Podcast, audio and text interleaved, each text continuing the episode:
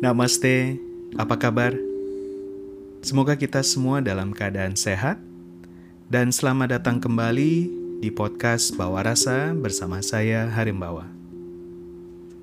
Di dalam podcast ini, saya membahas berbagai topik yang menarik seputar astrologi, khususnya Vedic Astrology atau yang dikenal dengan nama Jyotisha. Dalam episode-episode sebelumnya, uh, lebih tepatnya 10 episode sebelumnya, saya sudah membahas tentang uh, bhawa atau stana, yaitu rumah-rumah astrologis. Dan dalam tradisi astrologi, baik itu di barat maupun di timur, dalam tradisi Vedic astrology, dikenal 12 rumah.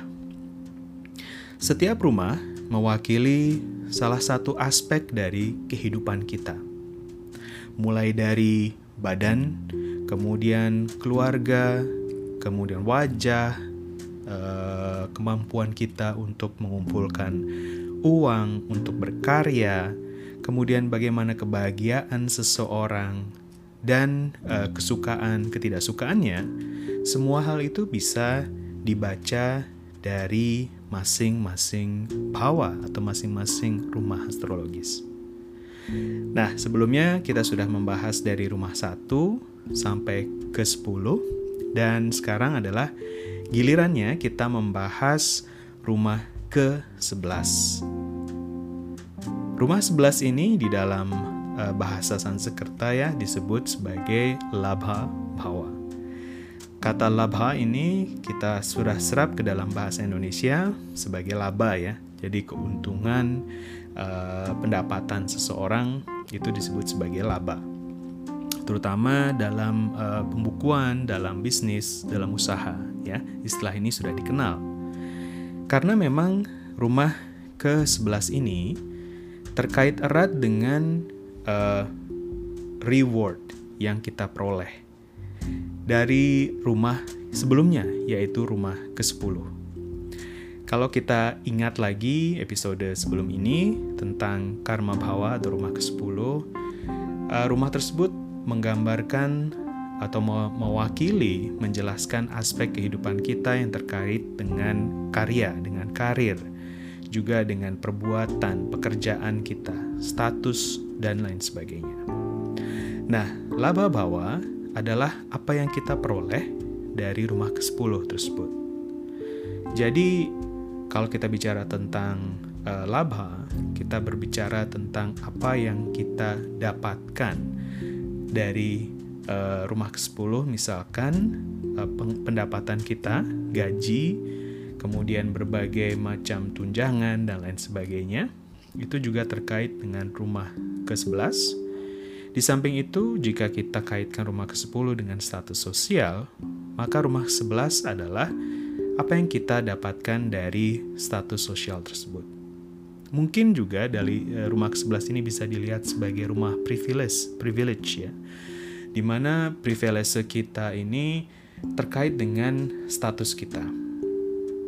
Suka atau tidak, jika kita memiliki status sosial yang dipandang lebih tinggi atau memiliki uh, nilai dalam tanda kutip uh, yang lebih daripada orang lain, kecenderungannya kita akan mendapatkan atau bisa menikmati hal-hal yang mungkin tidak bisa dinikmati atau diperoleh oleh orang lain, ya.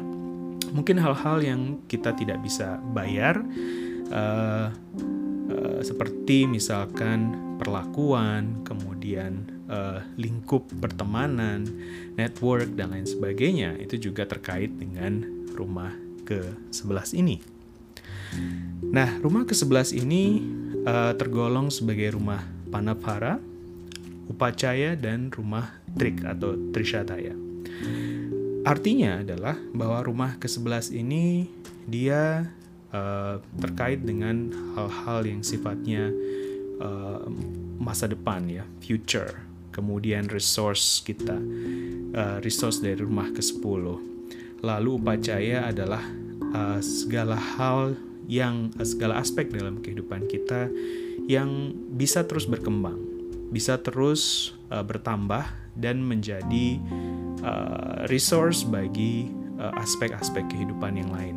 Misalnya uh, uang yang kita peroleh, gaji kita bisa kita gunakan untuk uh, mungkin mengembangkan usaha atau bisa kita nikmati untuk uh, membeli tiket uh, pertunjukan, konser atau bioskop. Kita bisa makan di tempat yang enak dan lain sebagainya.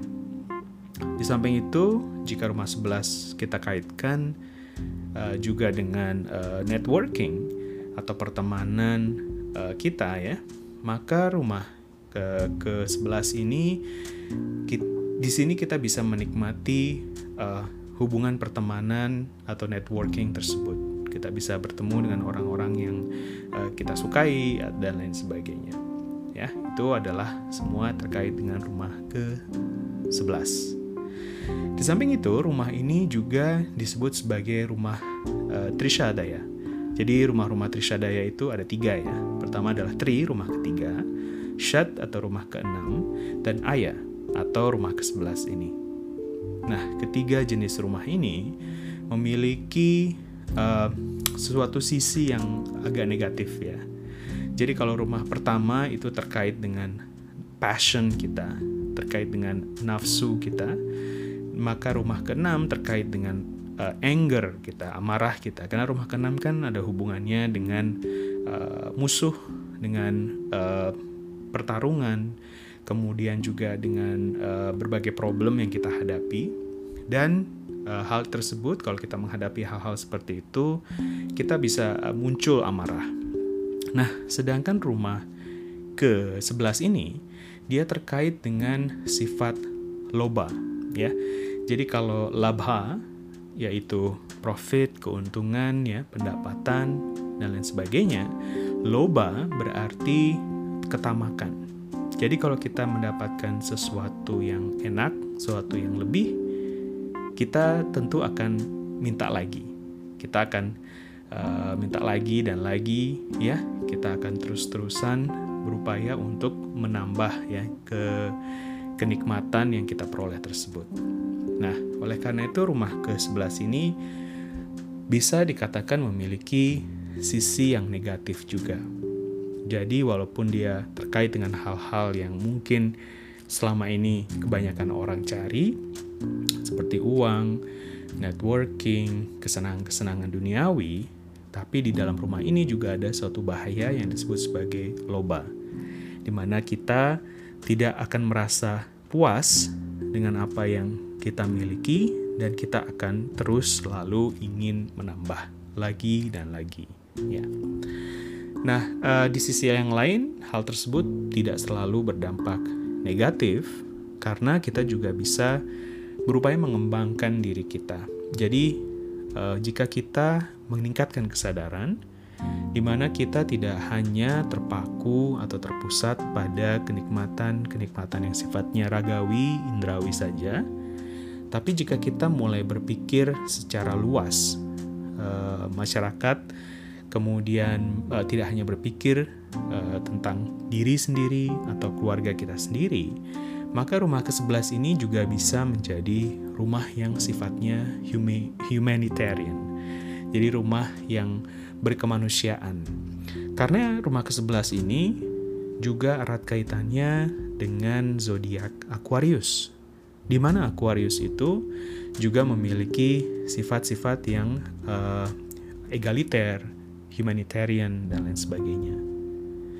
Jadi tergantung dari apa yang ingin kita perbuat di rumah ke-11 ini. Meskipun dia memiliki jebat, eh, jebakan Batman ya berupa loba atau ketamakan. Namun di sisi lain, kalau kita bisa meningkatkan kesadaran, maka rumah ke-11 ini bisa menjadi sumber di mana kita bisa berbagi kepada sesama.